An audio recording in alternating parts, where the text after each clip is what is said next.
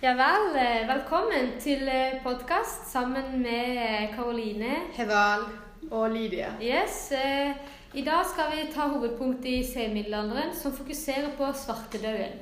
For det første, senmiddelalderen i Norge regnes som den perioden i norsk historie som varte fra rundt 1350 til 1536. Heval, kan ikke du si litt om hvordan svartedauden kom til Norge? Jo, svartedauden kom i 1349 til Bergen fra England med handelsskip. Eh, mannskapet var pestsmittet og døde under losingen, ifølge en islandsk årbok. Denne hendelsen har vært regnet som starten på svartedaudens herjinger i Norge. Men hvordan var det egentlig dette spredde seg så fort, Lydia? Ja, det er fra Bergen smitten har spredt seg om en farsut over hele landet. Men disse gamle kildene hadde kun oversikt over kysten på Vestlandet og nordover. Nyere kilder argumenterer derimot for, for at svartedauden ankom Oslo havn allerede i 1348, Oi. og at den spredte seg til delen av Østlandet derfra fra til vinteren samme år. Men så ser det ut til at den gikk i vinterhvalen, før den på nytt spredte seg våren 1349. Ja, dramatisk, altså. Mm. I løpet av noen måneder hadde svartedauden slettet rundt 60% av Norges befolkning. Det siste kjente offeret for pesten var biskopen i Stavanger, Guttorm Polsen, som døde 7.1.1350. Eh, Så Karin, kan du si litt om økonomisk utvikling under svartedauden? Ja, den økonomiske, økonomiske utviklingen under svartedauden var rundt halvparten av befolkningen i Norge som døde pga. svartedauden. Altså som du sa, 60 mm. Helt mm. vilt. Pesten rammet også landet en rekke ganger i tidene som fulgte. Først rundt 1650 eh, så var folketallet i Norge på samme nivå som før eh, svartedauden. Svartedauden var naturlig nok eh, en stor tap og mye menneskelig lidelse. Eh, ja, videre kan du jo si litt om eh, det. Hva? Eh, på lengre sikt førte likevel den store befolkningsnedgangen til bedre levekår for dem som overlevde. Siden mange døde fra gårdene sine, ble det mye ledig jord, og dermed kunne de gjen, eh, gjenlevende bøndene flytte inn og overta gårdene der jordmonene var mest fruktbare. Færre mennesker og mer plass førte til redusert etterspørsel etter jord, slik at landeia sank. Eh, Lydia, vil du ja. For adelen ble det store endring etter svartedauden. Nå var det leieren marked, og prisen på jordleiren sank med hele 75% i gjennomsnitt. De sterke båndene mellom gode seere og båndene begynte å løsne. I tillegg møtte flere blant lavadelen begynte å dyrke jorda de eide selv. De ble også bønder. En fordel var det likevel at det var fare til å dele på inntektene. Ja, Karoline. Ja, og siden så mange døde, eh, ble både jord og løsende kapital samlet på færre handler. Folketallet fortsatte dessuten å holde seg lavt eh, utover middelalderen. Og for andre halvdel av 1300-tallet eh, og på 1400-tallet er det tydelig tendens til økning av luksusforbruk blant overklassen. Dette er sammenheng kultur og samfunn. Videre så var jo økonomisk, var kirken økonomisk som andel av jordeierne som baserte seg på eh, størsteparten av sin inntekt på eh, jordleien. Greit, da går vi til videre punkt, som da er politisk utvikling. Det var da Norge kom med union med Danmark. Stemmer det. Um, Kalmarunionen, den senmiddelalderen begynte var Norge i et tidavgrenset kongefellesskap med Sverige. 50 år senere var landet blitt del av Den nordiske unionen. Ble, det ble da sagt at landet skulle forbli i over 400 år. Senmiddelalderen var mye politisk eh, preget av tilfeldigheter. Som hvem dør, hvem overlever. Hvem seier og taper på slagmarkedet. Unionene ble stadig vanligere. Unionene var et resultat av befolkningsnedgangen. Den nordiske politikken, eh, politikken foregikk på en spenningsfylt måte mellom tre maktfaktorer. Konger, adel og aktører fra det tyske området. På denne tiden var det et monarki som hersket over Norge.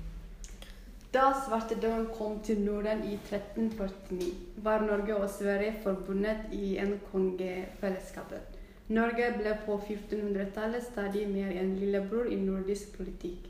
Kongen hans var aldri i landet, og utenlandske menn som fikk de viktigste stillingene i Norge, protesterte. Sverige truet Jylland, og Norge ble stående midt mellom sine to naboland. Ja, så eh, irriterende, altså. Det Ja. er det Men eh, nå må vi videre til kulturutvikling. Ja, du hadde jo veldig mye Ja, ikke bare var det mange mennesker som døde, og en rekke gårder lagt ned øde etter pesten. Eh, For kirken var inntektene i fritt fall, og fordi ingen ville betale tiende, en, ja, den tiende og landskylden etter gamle eh, satser. Eh, hadde nordmennene mistet troen, man tror? Hadde de det? Det er vanskelig å tro. Men biskopens eh, rundreise var nedslående, og svært mange gårder var forlatt og sto i nedfall. Et typisk bygg var Asker, og det var bare eh, 45 av eh, 129 bruk i eh, drift. Og resten lå døde. Jeg tror du mente 54 der, Karoline. Ja, det stemmer. for- Ja, men det går helt fint. 54, ja. Altså, ja, og prestene gjorde absolutt alt de kunne. Så det ukristelige nordmenn, hvordan var det, Lydia, egentlig? Hvordan eh, ble de Mista de troa virkelig? Ja, i det pavelige Vatinka-bibliotek ligger det oppbevart rundt 150 brev skrevet til paven fra Norge. De aller fleste dreier seg om å få pavens tilgivelse for ulike synder, ofte for det som er kalt fødselsdefekt, å være født uten, utenfor ekteskap. Dette eh, gjorde trolig ett av tre barn, og uektefødt men møtte søke paven om dispen dispensasjon for å få et kirkelig eh, emne. Kan du si litt mer om det? Ja, I denne perioden etter svartedauden forsvart det norrøne skriftspråket. Det ble gradvis erstattet med dansk. De fleste skrivekyndige var borte. Eh, Ja, det eh, stemmer. Eh, Ja. I hvert fall Vi fikk i hvert fall et etter hvert dansk som vårt skriftspråk. Ja. Ikke greit. Nei, da det. mista vi totalt vårt norrøne. Yes, videre er det sosial utvikling. Greit. I høymiddelalderen hadde mange mennesker levd på et lite og dårlig jord som, eh, høy, med høye avgifter til overklassen, som gjorde at alle ressursene måtte tas i bruk. Sult og feilernæring og utpint jord var overhengende trusler. Videre, Hevald, kan du si noe I om det? senmiddelalderen snudde dette. Eh, de drev med gårdsbruk. Etter pesten ble det overraskende bedre for de overlevende bøndene. Det var nok jord å ta av, og avgiftene de måtte betale til kongen, kirke og jordeierne sank kraftig, og det må ha vært kjempedeilig. Eh, åkerbruk var det som ga mest igjen for jorda. Husdyrhold var en luksus som få kunne tillate seg mye av. Det ga mindre utbytte noen steder, som på Vestlandet var februk likevel mer utbredt. Men det var fordi jorda var så glatt og karrig. Eh, vestlendingene gjorde alt for å øke jordas produksjon. Som spade vendte jorda. Gjødsel godt og så tett. Dette var arbeidskrevende, men kunne doble utbyttet. Vi har jo snakka veldig mye om svartedauden og den sene middelalderen.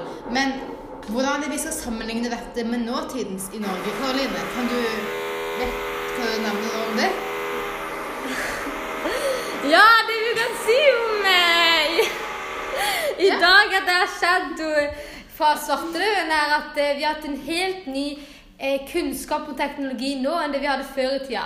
Eh, det vil si at Hvis vi hadde fått svarte svartedauden i dag, ville jo ikke like mange dødd. vil jeg tro. Fordi vi har jo den Vi har, vi har kunnskap medisin og teknologi og flere leger. Yes. Og, eh, og de tidligere forskjellene vi kan se, at det er mye færre folk som jobber på gård. Og før i tida så levde de av gård og gårdsbruk. I dag så er det ikke mange som gjør det, altså. Det er veldig Eh, ja, så, eh, men likevel er vi jo alle avhengig av teknologien vår i hverdagen vår, som eh, de ikke var før.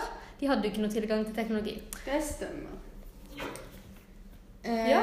ja, Lydia, vi har jo òg om eh, reformasjon og motstand. Ja, Eh, det har vi. Kan du si eh, hva, hva er egentlig Hva er kjent Altså, Ja, hva kjenner er reformasjonen?